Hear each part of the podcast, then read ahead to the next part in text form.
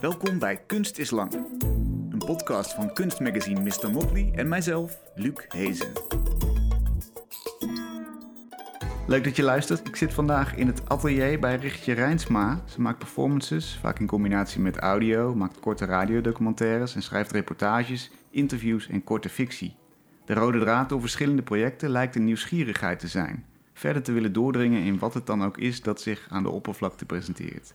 Bijvoorbeeld in haar audioperformance Productervaring, waarin ze de vele manieren opsomt waarop haar iPhone functioneert of stilstaat bij de werking van een deur en hoe je zo bewust mogelijk door een deuropening kan bewegen. In haar schrijfwerk stelt ze zich voor een zeemermin te zijn of loopt ze mee in een performance door het Stedelijk Museum, uitgevoerd door mensen met een visuele beperking, om een indruk te krijgen hoe het is om je ogen niet als primaire bron van informatie te gebruiken. En in haar recente performance Vragen thematiseert ze haar continue drang dingen te bevragen en haar honger naar nieuwe ervaringen brengt haar tot twee fictieve audiowandelingen die nu in de maak zijn: een wandeling over de menselijke huid en een wandeling onder de grond. Richtje, leuk dat je me ontvangt. Ik zei in de inleiding, ik zit in het atelier van Richtje Rijnsma, maar eigenlijk is het je keukentafel. Ja, ik dacht al. En tegelijkertijd ook het atelier, denk ik zo, of niet? Of waarom zitten we hier? We zitten hier omdat ik op dit moment geen atelier heb. Ik heb wel een opslag. Maar uh, ja, daar kan ik niet zo goed bij. Um, maar als je zegt uh, mijn atelier, dan, ja, dan vraag ik me toch wel af of dat zo is. Ook al werk ik hier. Hmm. Want er is hier ook natuurlijk een heleboel meer gaande. En ik ben eigenlijk een beetje gaan denken dat mijn atelier in mijn hoofd zit. Oh ja. Dus dan ook hier, maar niet per se gebonden aan de, aan de plek? Ja, het is mobiel. Een mobiel atelier. Ja. Nou, ik zeg het eigenlijk omdat je uh, het, het, huishouden, de huiselijke omgeving ook, ook als werkplek gebruikt in het project As the Dust Returns. Ja. Samen met twee andere kunstenaars vormen jullie het collectief Het Harde Potlood. Helene Wiemer en Roosmarijn Schonewelle. En het project gaat uit van de dagelijkse omgeving, het huishouden. Dat blijkt onder meer in een performance. Je hoort onheilspellende muziek en dan komt er een levensgroot geel schoonmaakdoekje het podium op. Heb ik gezien. Uh, we zien een mechanische hand die van alles poetst. Een levensgrote papieren borstel die schrobt. Waarom die uitvergroting van dat huishoudelijke leven?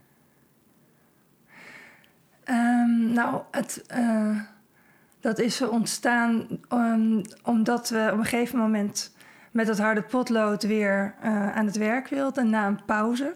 We bestaan echt al. Um, ja, ik ben dus heel slecht in parate jaartallen en zo. Maar we bestaan in elk geval echt al uh, iets van 11, 12 jaar. Mm -hmm. Misschien zelfs nog langer. En um, we hebben op een gegeven moment een, een, pauze gehad. Omdat het heel intensief was, al dat samenwerken. En, um, en toen op een gegeven moment kregen we dus weer ontzettende zin om uh, samen te gaan uh, maken. Maar de situatie was zo dat um, een van ons twee kleine kinderen had en de ander één en de ander een latrelatie. En het was allemaal een hele puzzel om een soort van heel uh, ja, keurig werkritme te gaan maken. Dus de vraag van waar en wanneer en hoe, dat was allemaal best lastig. En toen kwamen we erop uit van nou, we gaan het, we gaan het gewoon toch allemaal doen. En we doen het gewoon, um, ja, uh, we plonten er gewoon in. We doen het gewoon met wat we hebben, wat we kunnen. Dus we begonnen gewoon in de huiskamer. Um, en uh, ja, dat was dus even een heel nieuwe werkwijze met ook heel veel um, ja, een soort van ruis en verstoring. En tegelijkertijd dus ook juist um, inspiratie van een heel ander soort. Welke ruis was er bijvoorbeeld? Zijn dat die twee kinderen? Waar die kinderen, poes, um, een afwasmachine die opeens begint te piepen. Ik zeg maar, het is echt natuurlijk geen atelier. Um, dus uh, je krijgt er een heel andere ideeën door. En we zaten ook gewoon niet aan een, een grote werktafel, maar uh, soms zaten we gewoon op de grond naast een peuter of op de bank met uh, werk op schoot. Gewoon op ons lijf, zeg maar, te tekenen met onze benen als tafel. Dus ja, de, de hele situatie um, vroeg natuurlijk meteen al dus om een soort van, uh, ja verkennen van nieuwe mogelijkheden. En, en dat, er ontstond ook daardoor heel veel. Wat ontstaat er dan bijvoorbeeld? Nou, we begonnen bijvoorbeeld uh, te tekenen op, uh, op handdoeken, tafellakens en ehm, op on, on, onregelmatige ondergronden. En af en toe deed er ook een, uh, even een kind mee, een klein stukje. Dus uh, het was een soort van. Uh, ja, je laat allerlei controle en allerlei soort van randvoorwaarden die je in je hoofd hebt op dat moment los. Dus het is heel avontuurlijk en ook heel inspannend. Op een gegeven moment zijn we ook wel, uh, moet ik wel zeggen, weer verkast van de huiskamer naar een atelier. Maar wel met dus al een heleboel materiaal. Wat wel degelijk dus was ontstaan in een soort van hele grillige omstandigheid. Ja, en is dat dan van de, de nood en deugd maken? Ik bedoel, kan het even niet anders en zit je er daarom in? Of is het ook echt oprecht omdat je iets inspirerend vond aan die omgeving... dat je dacht, nee, we moeten hier toch op inzoomen? Um, ja, allebei. Het begon met noodzakelijkheid, maar je vindt dan iets. Ja, en maar ook meteen al dat uh, het feit dat je dat uh, gaat, uh, gaat uitproberen, zoiets, zo'n experiment, dat, dat deden we al omdat we al wel een soort gevoel hadden: dit is interessant, hier gaan we wat ontdekken. En, en ook dat je eigenlijk dus bezig bent om je eigen ja, je eigen conventies te testen. En dat is altijd heel spannend en bevrijdend. Leg eens uit, hoe werkte dat? Nou, dat, dat hele idee van hoe, uh, hoe je erbij moet zitten om iets te gaan maken. Ja, dat, dat, daar, sta, dus daar stond ik vroeger helemaal niet zo bij stil. Ik had gewoon een atelier, dus daar zat ik. En um, ja, daar, hoort bij, bij je werk hoort natuurlijk altijd een plek, en, of misschien meerdere, maar je gaat altijd uit van tijd en plaats en materiaal en concentratie. Of, en, en nou ja, op al die fronten ging het nu anders. Maar dat is dus ook meteen een soort van hele, ja, gewoon uh, een boeiende situatie. Ja, dus eerst zit je in je atelier, je hebt rust, je hebt al je, je potloden netjes gesorteerd. En nu zit je in de huiskamer met, met twee kinderen, een poes en een vaatwasser. Ja. Wat gebeurt er dan? Wat, wat, wat voor effect heeft dat op dat creatieve proces? Wat mij betreft um, heeft het een, een enorm effect. Maar dat, dat, dat is wel een soort van al eerder begonnen en dat gaat nog altijd door. Dat ik eigenlijk, ja, maar ook wel heel erg ben gaan verwonderen over wat ik dan kennelijk allemaal voor ideeën had over hoe het hoort. Mm. En waarom ik het in eerste instantie ook zo moeilijk vond om het legitiem te vinden om dat heel anders te gaan doen. En waar, waar kwamen die ideeën vandaan? Die ideeën, zeg maar de, de oude ideeën van hoe het hoort. Ja, dat, dat ik, ik denk dat, uh, dat dat ideeën zijn die ik zeker mee heb gekregen op de kunstacademie, de Rietveld, maar uh, ook gewoon daarvoor al en daarbuiten. Er zijn gewoon natuurlijk wel allerlei ideeën over ja, uh, hoe een kunstenaar uh, werkt. Mm -hmm. En dat zijn, ja, ik heb daar geen historisch onderzoek naar gedaan. Dus ik heb, ik, ik heb daar wel een soort van allemaal ideeën over, maar die zijn best wel speculatief. Dus dat zou ook hartstikke boeiend zijn om dat een keer wel uit te zoeken. Maar ja, het is er zitten, als je er. Uh, ik, ik, ik merkte dat toen ik erbij stil ging staan van wat heb ik nou eigenlijk voor ideaal of model in mijn hoofd, dat ik dat eigenlijk, uh, ja, naarmate ik er uh, langer over nadacht, steeds verbazingwekkender uh, begon te vinden. En ook gewoon niet. Um, ja, niet, niet zo ruim, nogal beperkt. Wat is het raarste eraan? Wat, wat is je het meest opgevallen? Um, nou, ik denk dat wat, wat, wat een van de grote ontdekkingen was voor mij, was dat een soort van um, ja, heel vertrouwd ideaal beeld van de kunstenaar is dus van iemand die zich buiten de maatschappij plaatst, die zich, um, ja, die zich isoleert, die zich volledig wijdt aan de kunst. Die,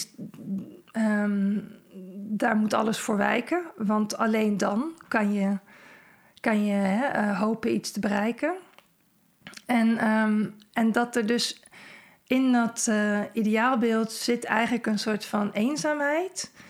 Ehm, want ja, dus een idee van je moet het allemaal uit jezelf halen. Een heel solitaire bezigheid. En ehm, nou, dat, dat strookt bijvoorbeeld al niet met, ja, dat strookt met heel veel dingen niet.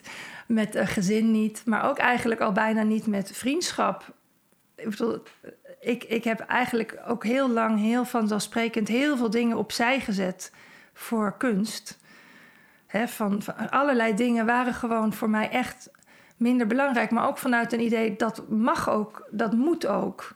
Want de kunst heeft de ruimte nodig en alle ruimte die ik maar kan vinden. Wat heb je afgezegd bijvoorbeeld? Of gelaten? Nou, ik was gewoon vaak heel ongezond bezig. En ik, dat vind ik ook eigenlijk. Uh, ik meen dat wel heel veel te zien. Uh, dat, uh, maar geef eens een voorbeeld. Wat, wat, wat laat je dan schieten? Nou, maaltijden en nachtrust. En ja. bedoel, ja, allerlei dingen verwaarloosde ik gewoon heel makkelijk. Ook het huishouden trouwens. en vriendschappen, waar ik altijd wel ook heel erg mee zat. Met allerlei dingen die ik liet. Maar ik had ook, ik, het voelde ook alsof het niet anders kon. Als, een beetje ook wel als een soort van... Ja, een mix van een plicht en een verslaving. Hmm. En uh, ja. Dat heilige vuur van een geniale ja. kunstenaar... die alles laat vallen omdat hij kunst moet maken. Dat, Ja. dat wilde je dan zijn. Ja, het is gewoon een, ergens een soort obsessie. Of een gekte. En, en ook een die heel prachtige kanten heeft. Ja. Maar op het moment dat, uh, dat ik uh, in een ander vaarwater kwam, vond ik het dus een bepaalde, vond ik het dus heel uh, soort van schokkende ervaring dat ik merkte van nou, die oude praktijk, die past gewoon niet meer. En um, misschien nooit meer. En uh, ga ik nou daarom ermee moeten kappen? Nou, en ik werd daar heel opstandig van. Dacht van, nee, dat, dat ga ik niet doen. Ja. Het moet kunnen om het, mijn kunstenaarschap en het ideaal wat ik dan kennelijk koester... om dat gewoon te transformeren. In wat is het getransformeerd? Beschrijf de nieuwe situatie eens. Um, nou, uh, dat de dingen gaan dus uh, in mijn ervaring nu veel gefragmenteerder. Wat betreft gewoon echt iets maken of doen. Maar in mijn hoofd uh, gaat het de hele tijd door. Dus het, zeg maar, het is een groot verschil tussen een soort van het gistingsproces in je hoofd. En um, ja, um, het, uh, het ook nadenken en. en soort van plannen maken en dan daarnaast gewoon echt, echt gewoon concreet iets daarmee kunnen. Dus dat is een soort van, ja, heel ander soort van vlechtwerk met allemaal andere dingen die moeten gebeuren. Dus uh, het is wat, dus heel, soort van heel los en de hele tijd, uh, ja, grijp ik ook mijn kansen en zo. En tegelijkertijd, uh, um, ja ik, ik, ik weet het niet. Eerst vond ik het heel vermoeiend om de hele tijd te moeten azen op momenten. -hmm. En werd ik daar ook helemaal gek van. Nu ben ik daar een klein beetje aan gewend geraakt. Want het gaat natuurlijk ook over gewoontes. Ja, dus als, als je kind slaapt en de vaatwasser is uitgeruimd... dan heb je bij spreken drie kwartier om iets te doen. Ja. En, en dat kan dan ook, blijkt. Ja. ja. Dus het is een soort van anders... Uh, anders dingen weer even moeten loslaten of parkeren en ze weer op kunnen pakken.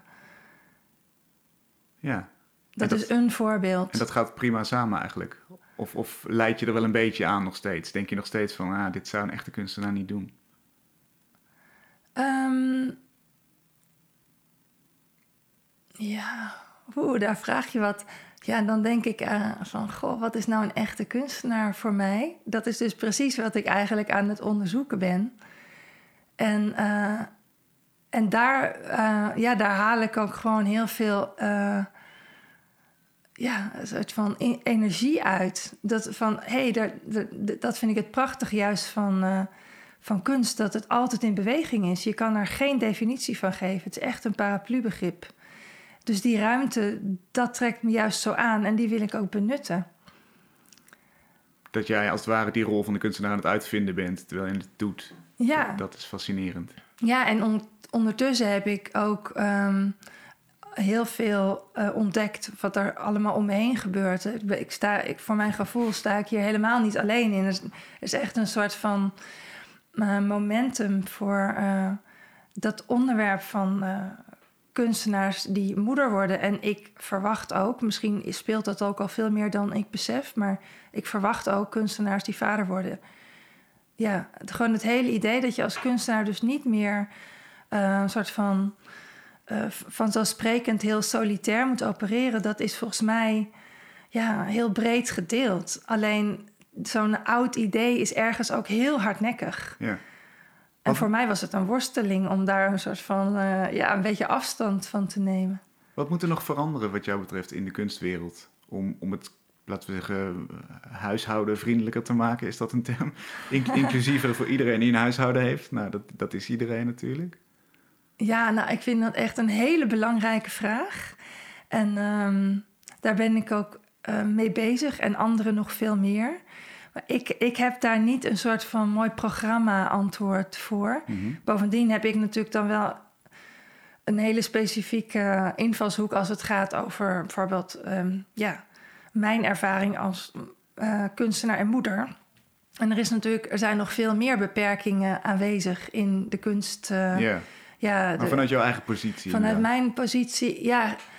Um, er zijn um, internationaal zijn er wel een soort van manifesten gemaakt nu en, en een soort van voorstellen. Die zijn echt super praktisch. En dan gaat het dus over um, ja, uh, opbouwtijden, werktijden, residenties. Van, hè, hoe, hoe, hoe kunnen die beter uh, mensen met kinderen faciliteren? Dus dan gaat het over opvang en ja, weet je veel, uh, een kinderbed, ik zeg maar wat. Mm -hmm. En dan gaat het ook vaak over ja, openingstijden. En ja, dus flexibele, een soort van flexibiliteit die je heel erg nodig hebt als je dus in zo'n vlechtwerk situatie zit met, met een school of met een crash of met slaaptijden. En uh, dat is allemaal heel concreet en uh, dat vind ik echt fantastisch. Daar is nog verder niet.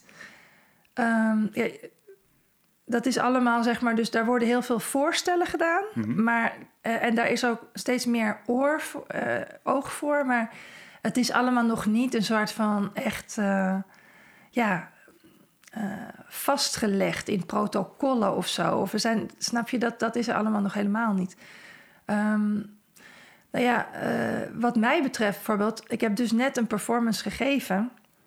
En toen realiseerde ik me dat ik zeg maar een soort van beetje uh, eigenlijk nog, nog helemaal niet goed verwerkt had in, uh, in de aanloop wat ik eigenlijk heb ontdekt en geleerd. Want ik ging bijvoorbeeld een uitnodiging maken waarin ik helemaal niks zei of, over bijvoorbeeld of het geschikt was voor kinderen en gezinnen. Oh ja. Terwijl bijvoorbeeld een van die performances was gewoon smiddags in het weekend. Dus er kwamen gewoon vragen van. Um, of nee, er waren mensen die gewoon aannamen: ik kan met mijn kinderen komen. Juist ook omdat, uh, omdat ze dan bijvoorbeeld weten dat ik daar mee bezig ben. En, en toen schrok ik daarvan, uh, van oh ja, maar het is eigenlijk helemaal niet geschikt voor kinderen. En wat gek dat ik daar dan ook helemaal niet even bij stil heb gestaan. Dat, dat, dat ik juist wil morrelen aan dat het zo vanzelfsprekend is. Hè? Dat kunst alleen voor soort van uh, volwassenen is of zo. Of voor, ja, ik vind het gewoon wel belangrijk om dat soort dingen dus ook gewoon, ja, echt... Uh, uh, betekenis te, te, te laten, betekenisvol te maken voor mijn eigen praktijk. Van hoe wil ik het eigenlijk? Wie is dan mijn publiek en wat betekent dat? En ja. Maar daar ben ik dus allemaal nog volop aan het ontdekken. Ja, en je komt ook in jezelf dus die barrières tegen, of in ieder geval die patronen die, die uh, in de rest van de wereld ook ingesleten zijn in de kunstwereld. Ja. Die, die zijn ook in jou beland. Ja. ja. Het, het, het, klinkt een beetje als, als de kunstenaarshonoraria. Op een gegeven moment is dat een soort beweging geworden en is het vastgelegd. En inmiddels wordt ermee gewerkt, dus wie weet over een paar jaar. Ja. Is het wat jou betreft ook een feministische daad om dat huishouden met het kunstenaarschap te verenigen? Nou, dat komt er wel bij kijken. Alleen um, um, vind ik het. Uh, en ik niet alleen, want ik, met, met dat project over het huishouden, dat is dus met het harde potlood, dus met Helene Wiemer en Roosmarijn Schonewelle samen. Dus het is ook wel goed om te beseffen als ik daarover praat. Ook goed voor mezelf altijd om even te beseffen. Ik praat natuurlijk dan vanuit mijn perspectief. Ja. Ik ben natuurlijk er, ja, dat, niet per se vertegenwoordig ik ook uh, wat Roosmarijn en Helene denken daarvan. Nee, staat genoteerd. ja, want we hebben juist hele interessante discussies over feminisme en wat dat dan voor ons betekent. Um, dus uh, we zijn daarin wel uh, geïnteresseerd en we gaan dan ook samen boeken lezen.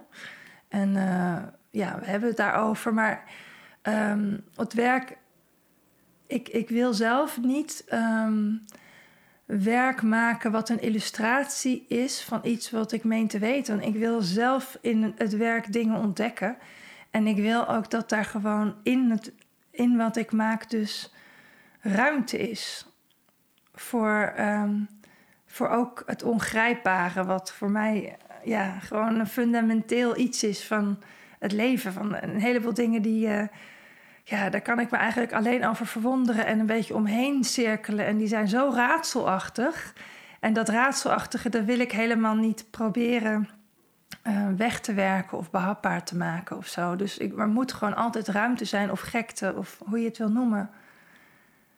Dus het feminisme is zeker een inspiratiebron. Mm En uh, ik, ik zie mezelf wel als een feminist, maar ik zou niet zo snel zeggen van ik ben een feministische kunstenaar of dit is een feministisch werk. Nee.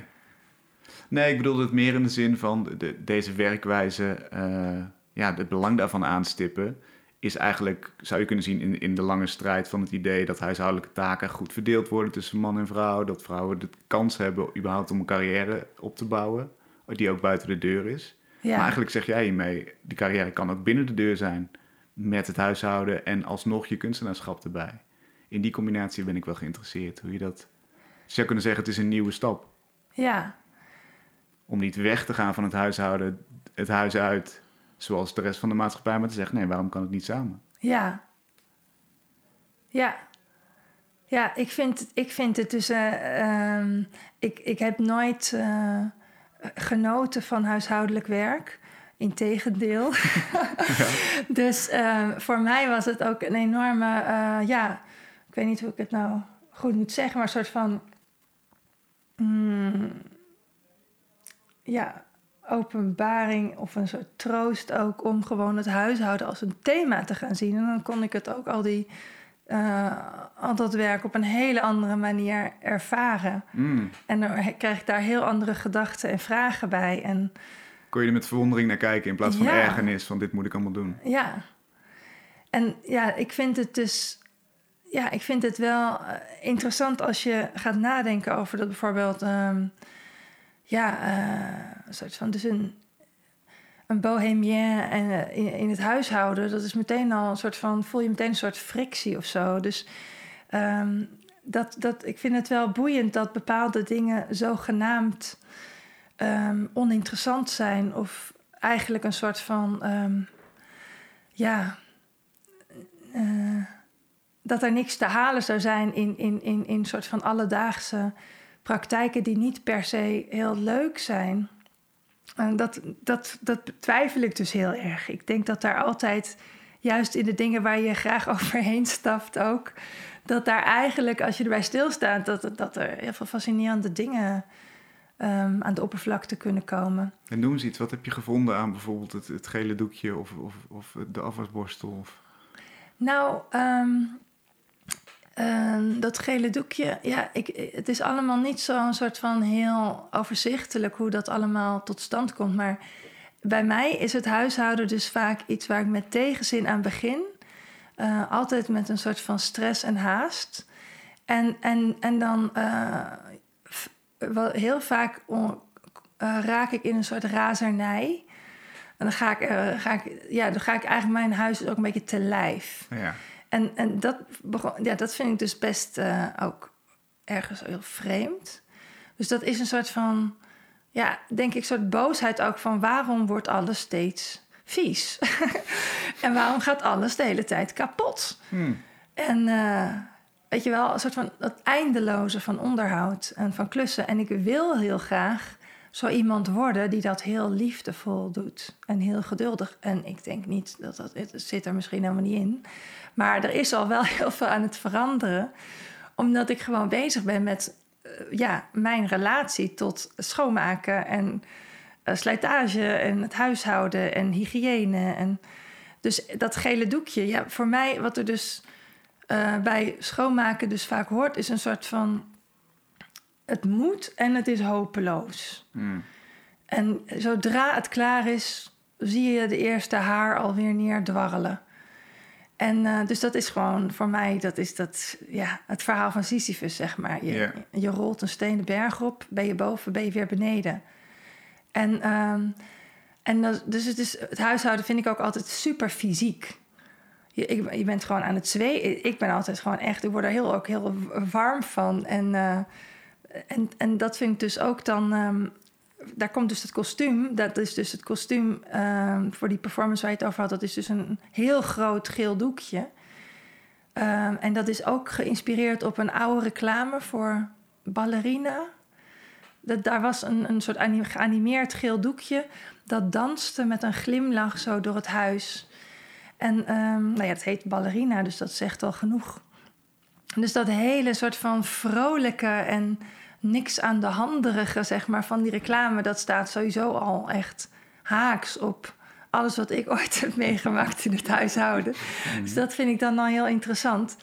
En ik dacht dus gewoon, ik ga gewoon, ik wil die ballerina worden ergens.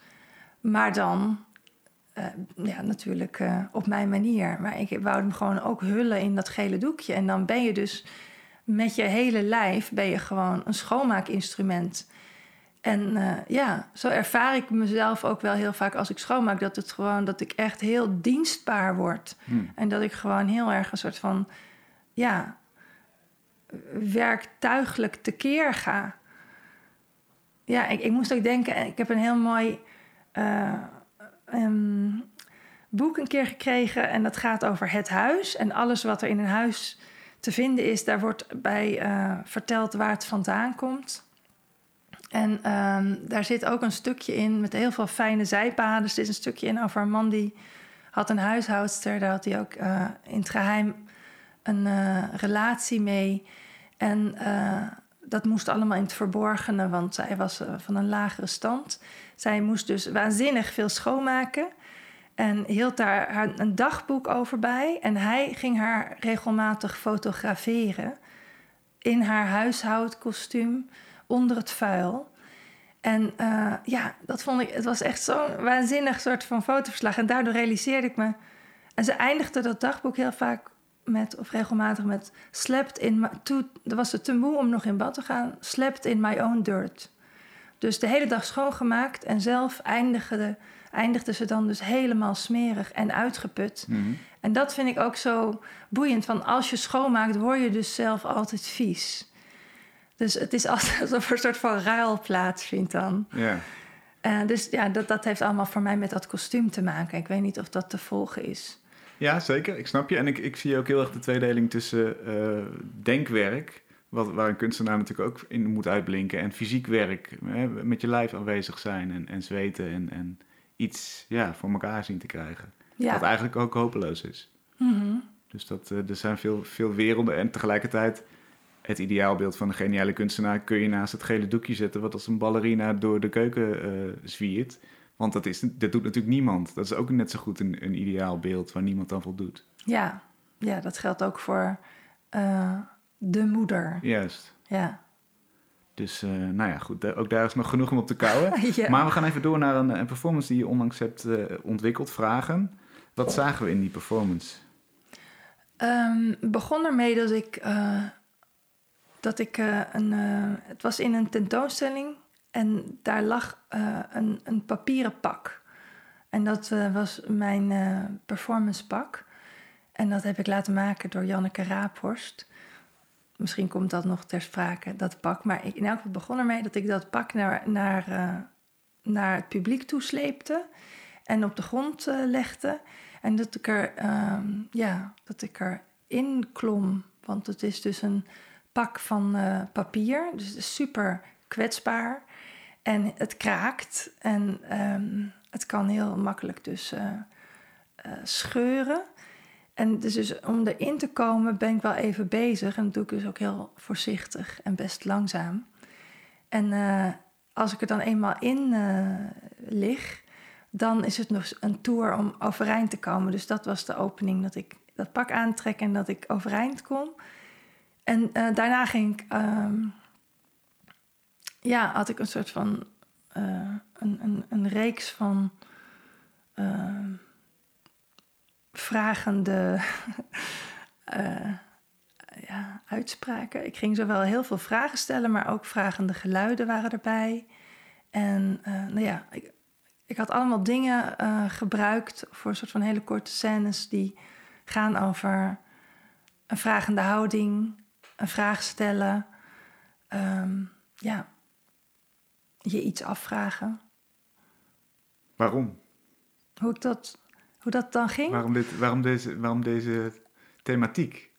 Nou, uh, ja, omdat ik op een gegeven moment. Uh, ja, er kwamen allemaal dingen in samen. Maar het begon denk ik ermee dat ik op een gegeven moment merkte dat ik gewoon eigenlijk uh, aan de lopende band mensen aan het interviewen was. Dat elk gesprek eigenlijk een, een soort vraaggesprek werd, waarbij ik dus uh, die vragen achter elkaar afvuurde. En op een gegeven moment, ja, vond ik dat zo, uh, uh, ja, gek. Dat het zo scheef was gegaan. Weet je, dat, dat, is natuurlijk een hele soort van typische rolverdeling. Hmm. En uh, dus ik, ik, wilde wel weten waarom ik dat uh, deed. En daarna raakte ik geïnteresseerd in wat een vraag is en wat er gebeurt als je iemand een vraag stelt en wat er gebeurt als je er een krijgt, of juist als je vermijdt dat je ze krijgt. En uh, nou ja, zo werden, kwam er, kwamen er allemaal verschillende dingen bij kijken. En is dit, is dit vanaf jouw jeugd al? Ben je altijd al aan het ondervragen? Of is het op een gegeven moment erin geslopen? Ja, dat is erin geslopen ik weet niet hoe. Ik, ik, ik verbaas me heel vaak als ik hoor iets van mijn ouders hoor over hoe ik als kind was. Dan, dan strookt dat helemaal niet met hoe ik mezelf voelde. Dus ik, ik, ik kan me als kind vooral wel voorstellen dat er ook heel veel momenten zijn geweest waarop ik geen vragen durfde stellen. Het kan heel eng zijn om in, een, in de klas of uh, hè, op zo'n moment dat er vragen gesteld mogen worden in een groep, om dat dan echt te doen. Dus dat gevoel heb je overwonnen ergens en dat, dat ben je gaan inzetten. Um, ik zou niet willen zeggen dat ik het heb overwonnen, want er zijn nog steeds heel veel dingen die ik niet durf te vragen of niet weet hoe. Maar ik ben er in elk geval natuurlijk mee bezig gegaan, ja. ja. En vloeit dat voort uit het idee van wat een kunstenaar is? Iemand die onderzoek doet, die diep graaft?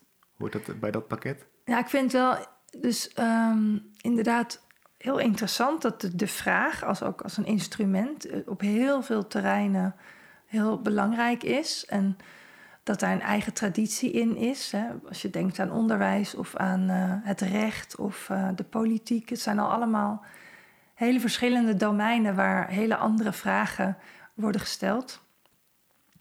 Maar in de kunst is natuurlijk, gaat het dan over bevragen van allerlei onderwerpen. Mhm. En daar is wel iets heel bijzonders, vind ik, aan de hand in de kunst. Dat je heel vaak dus ehm, vragen mag stellen zonder dat je antwoord verwacht of gaat geven. Dus het vragen stellen mag daar gewoon eh, ja, als iets los uh, op zich uh, waarde hebben. Mhm. En dat vind ik dus wel ja, dat vind ik dus heel bijzonder. En ik, ik heb daar dus ook, daar krijg ik dus ook allemaal vragen over. Van, uh, wat is dan een vraag waar je geen antwoord op verwacht? Uh, wat levert dat dan op? Ja, beantwoord hem eens. Wat levert nou, dat voor jou op? Um, wat ik dus heb gemerkt is dat um, het is. Het is ergens gewoon heel grappig dat de ene vraag de volgende kan oproepen. En uh, dat een vraag dus ook als antwoord eigenlijk een vraag kan hebben. Maar dat daar wel dan een beweging in zit. Dus je kan wel uh, daarin ehm, dingen ontdekken, ook al kom je niet op een soort van antwoord in de zin van ja, iets, iets eh, definitiefs. Soms geeft, hè, soms is een. Ja, ik denk dat heel vaak een antwoord eigenlijk niet mogelijk is, maar dat je met een vraag meer probeert om iets open te zetten, waardoor je iets anders kan gaan denken of iets anders kan gaan zien. Dus in die zin is denk ik dat een vraag heel vaak niet is wat die lijkt. of dat een antwoord heel vaak niet is wat je zou denken. Ja. Het is een manier om, om een, een level verder te komen, maar niet per se een definitief antwoord op de vraag die achter je ligt dan. Ja. Er kan dus iets ontstaan door een vraag waarvan je pas veel later beseft, oh ja, dat is door die vraag. Ook, en het voelt dan misschien alsof die vraag gewoon in de lucht hangt en er gebeurt niks, want je weet het gewoon niet. Ondertussen heeft die vraag iets geactiveerd. Mhm. Maar dat zijn hele, uh, vind ik, hele bijzondere processen. Waar je ook pas soms dus, uh, ja, die je heel vaak helemaal niet op het moment zelf goed uh, kan overzien. Nee. En dat spannende, de, de, de, het mysterie waar je het eerder over had, dat gaat hand in hand met die vraag natuurlijk. Het, alleen al de, de spanning van ik weet iets niet en ik ga nu die vraag stellen als instrument om dat te lijf te gaan. Ja. Dat, dat is misschien al genoeg, los van het antwoord. Ja, nou dat vraag ik me dus altijd af. Is dat genoeg? Wat denk je? Ik weet het ook niet. Dat kun je nou ja, alleen voor jezelf verantwoorden. Ja, precies, ja. Ik, ik, uh, het is in elk geval... Um, wat, ik, uh, wat ik gewoon graag wil, wil doen en kunnen. En wat voor mij nu soort van haalbaar is. Ja, vragen stellen. Ja. Wanneer is een performance geslaagd die gaat over vragen of elke performance eigenlijk? Wat heb je daarvoor, met wat voor regels werk jij of wat voor verwachtingen? Nou, ik wil graag. Um, ik wil graag gewoon uh, zo'n zo'n nieuwsgierigheid en ook een soort van.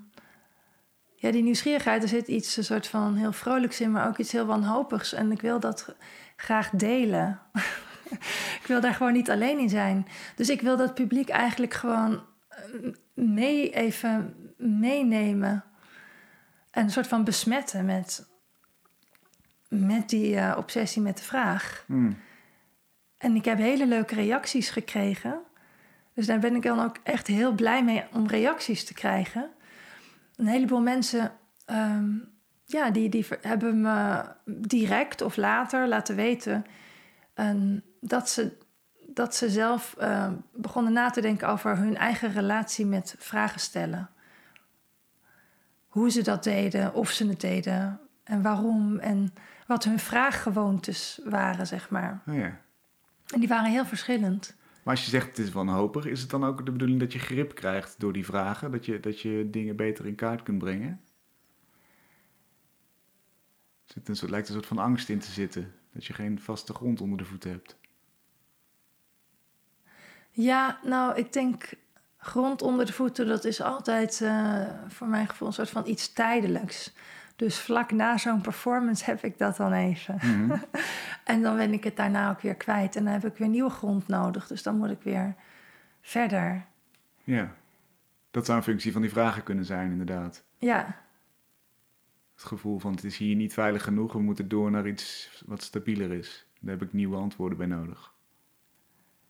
Ja, of nieuwe vragen. Ja. Um, je werkt nu ook aan twee audiowandelingen waar misschien niet zo gek veel grond onder de voeten is. Het zijn fictief.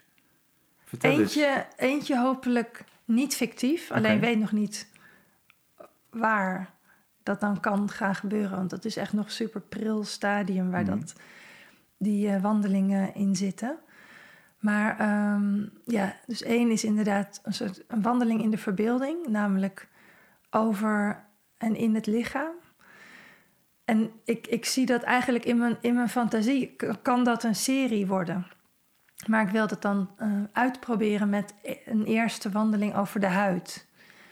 En eh, ja, nou ja, daar kun je natuurlijk eh, daar kun je niet wandelen. Ehm, maar wel in de verbeelding kun je natuurlijk overal wandelen. Dat is het mooie. Dus dat is het ene idee. En dat andere idee is dus die wandeling onder de grond, die, die die hoop ik dus op een begraafplaats te kunnen maken of eh, op een voormalige begraafplaats. Mhm. Waar in elk geval in de grond lichamen zijn begraven of geweest. En waar wandelen we dan? Bedoel je? Hoe werkt dat? Hoe zie je het voor je? Ehm, nou, dat je dus eh, een, een, in, het, in dat geval van die eh, echte wandeling, dat je dus gewoon over een, ehm, ja, dan ga je gewoon over een voormalige of een bestaande begraafplaats. En Hmm. daar heb je een geluidswandeling waarbij het gaat over wat er onder de grond gebeurt. Oh ja. Dus fysiek loop je boven de grond, maar mentaal loop je onder de grond eigenlijk. Ja, En, en wat volg je onder de grond, als het ware? Want ik heb, ik heb er dan wel een beeld bij, denk ik. nou ja, een soort. ehm, eh, ik, deze, ik, ik, ik, eh, ik zit nu dan eh, gewoon heel erg eh, naar woorden te zoeken. Want die woorden die heb ik dus nog allemaal niet eh, klaar. Mhm. Maar ehm, ja, het gaat dan dus over ontbinding. Maar juist ontbinding klinkt gewoon natuurlijk super plastisch. En ook vooral alsof er iets verloren gaat. Maar het gaat me er juist om wat er ehm, verandert daar. Dus een, een lichaam onder de grond. Op een gegeven moment ehm, is het geen lichaam meer. Ehm, en, en, en dan begint, op een gegeven moment is het weer iets anders. Dan zit het eh, is het opgenomen, is het opgelost in de grond. En dan raakt het verspreid en dan wordt het weer onderdeel van allerlei andere ja, tijdelijke eenheden en cycli. En dat lijkt me zo spannend om, om daar meer af te weten te komen en daar dus die wandeling van te maken. Dus dan ben je een soort koolstofdeeltje of zo, wat, wat uit je huid eh, Ja, verdwijnt misschien. en, en, en iets, in iets anders klontelt. Ja, dat zou kunnen. Maar ik, ik wil, ik, in eerste instantie ga ik gewoon op allerlei plekken dan informatie proberen op te zoeken. Want ik vind het dan, ik weet helemaal niet of dat bruikbaar is, maar ik ben dan in eerste instantie ook benieuwd van wanneer ben je dan juridisch geen, wanneer is dat lichaam er juridisch niet meer, bijvoorbeeld? Wanneer is het zeg maar opgeheven als een, ja, als een soort van erkende formele eenheid? Ja. En dan weet ik helemaal niet of, dat, of ik de informatie die ik daarover kan vinden, of ik die kan gebruiken. Dus ik ga gewoon in eerste instantie allerlei bronnen aanboren. En dan ontstaan er allemaal lijntjes en ideeën en soort van ja, sprongen, een verhalend soort van iets, een soort logisch principe waarmee ik eh, een soort collage kan maken van scènes. Dat hoop ik tenminste. ja. En in het geval van de wandeling over de huid, wat, wat, wat wil je daar ontdekken? Of, of, of... Ja, dat, nou, daar ben ik dus nog maar net eh, aan het nadenken over dat wonder van onze huid. Het is gewoon één groot zintuig. Mhm. Ehm, en verder ja, komen nu dus allemaal vragen bij mij op van... eh, wat is nou de huid? Is, is echt, zeg maar... eh, wat, wat valt daar nou wel en niet onder? Want we hebben natuurlijk allemaal heel verschillende stukjes huid. Ik bedoel, ehm, je hoornvlies is buitenkant. Het is eigenlijk onze verpakking.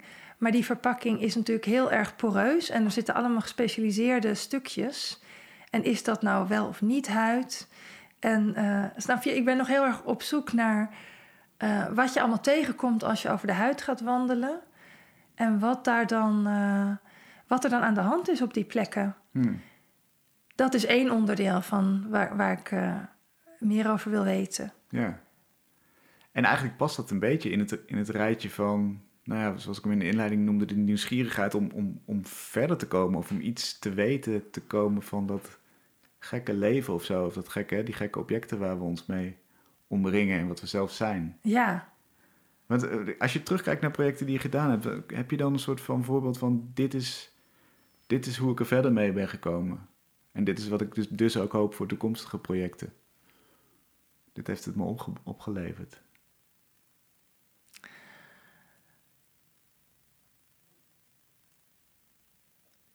nou, ehm, het eerste waar ik aan denk is, is dat eigenlijk eh, wat, dingen wat, wat dingen vaak opleveren, is dat ik, eh, dat ik eh, allerlei denkbeelden blijkt uh, ontdekt bij mezelf en aannames waar ik helemaal niet blij mee ben. Of die ik eigenlijk heel, ja, soort van ongemakkelijk vind. En dan ga ik daarmee aan de slag en dan ontstaat daar een soort van grotere vrijheid. Dus, en, dus, maar dan, dan, dus dat, dan zeg maar, wat levert het op? Dat is dan dus eigenlijk um, dat ik gewoon um, allerlei. Ik, je, je, ik bedoel, je bent er gewoon opeens. Hè? We, we worden geboren. Nou, op een gegeven moment je kan het allemaal niet scherp afbakenen, maar op een gegeven moment um, denk je iemand te zijn, je hebt een bewustzijn. En ja, dan ben je gewoon al lang onderweg. en zo is het de hele tijd. Je, je bent er al, er gebeurt al van alles. Alles is in beweging. Zodra je iets denkt, is het alweer een volgend moment en is het alweer anders. Dus zeg maar, en al die tijd heb je dus al heel veel eigenlijk achter de rug en heel veel bagage. En, en um, wat ik dus heel fijn vind, is als ik dus dingen doe waardoor ik. Waardoor de dingen niet meer vanzelfsprekend zijn en ik daar dus ook niet meer um, ja, aan vastzit. Dat ik daar gewoon vrijheid voel om mm, te kiezen. Bijvoorbeeld één ding wat ik dus heel veel doe, is samenwerken. Um, nou ja, dat was heel lang, had ik het gevoel dat dat eigenlijk niet helemaal was zoals het hoorde, bijvoorbeeld. En, en dat kwam zowel dus voort uit mijn eigen gedachten, maar dat kreeg ik ook uh, mee van docenten. En dus het idee van samenwerken is toch eigenlijk niet dat heldhaftige, solitaire. Hè? Dus samenwerken, dat is een zwaktebod of dat is veilig of wat dan ook. Dus ik ben er alleen al heel lang mee zoet geweest um, om zeg maar zelf mijn eigen visie op samenwerken te ontwikkelen. Van wat, wat, wat het voor mij betekent. En dus om, om af te komen van een bepaald negatief oordeel, wat ik proefde, zowel om me heen als in mezelf. Terwijl ik tegelijkertijd dus heel erg ertoe aangetrokken word om samen te werken. En het gaat ook gewoon echt vanzelf. Dus dat zijn dingen die dan die, die ontstaan. Dat je op een gegeven moment in het reinen bent met oké, ik werk gewoon heel veel samen. En daar en daar en daarom. Of uh, ik, uh, hè, ik, ik heb nu geen atelier, maar ik ben nog steeds een kunstenaar.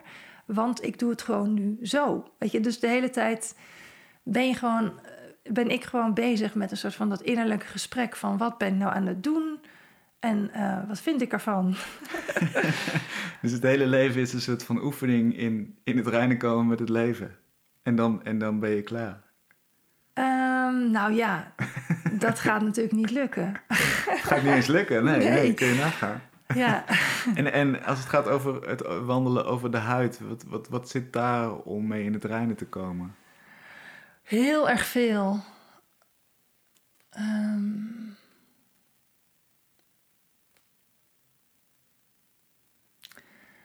ja, ik weet niet eens waar, ik weet niet eens wat het belangrijkste is, maar um, Um, ja, ik, ik, ik, ik zie dus. Uh, ik, ik ervaar zeg maar al, heel erg veel um, als. Ik vind, ik vind de werkelijkheid vaak gewoon best wel ongeloofwaardig, bijna. Ongelooflijk. Uh, hoe, hoe de dingen allemaal functioneren. Heb je een voorbeeld? Ja, bijvoorbeeld, wij zijn allemaal. Uh, zo kwetsbare wezens. En uh, dat geldt voor alle leven, is uh, tegelijkertijd zo sterk en zo kwetsbaar. Het wisselt natuurlijk ook enorm van moment tot moment. En um, ja, dus de huid is, uh, is gewoon een soort van heel poreus iets. En um, de hele tijd ben je dus onder invloed van je omgeving. En ondertussen zend je ook van alles en scheid je van alles af.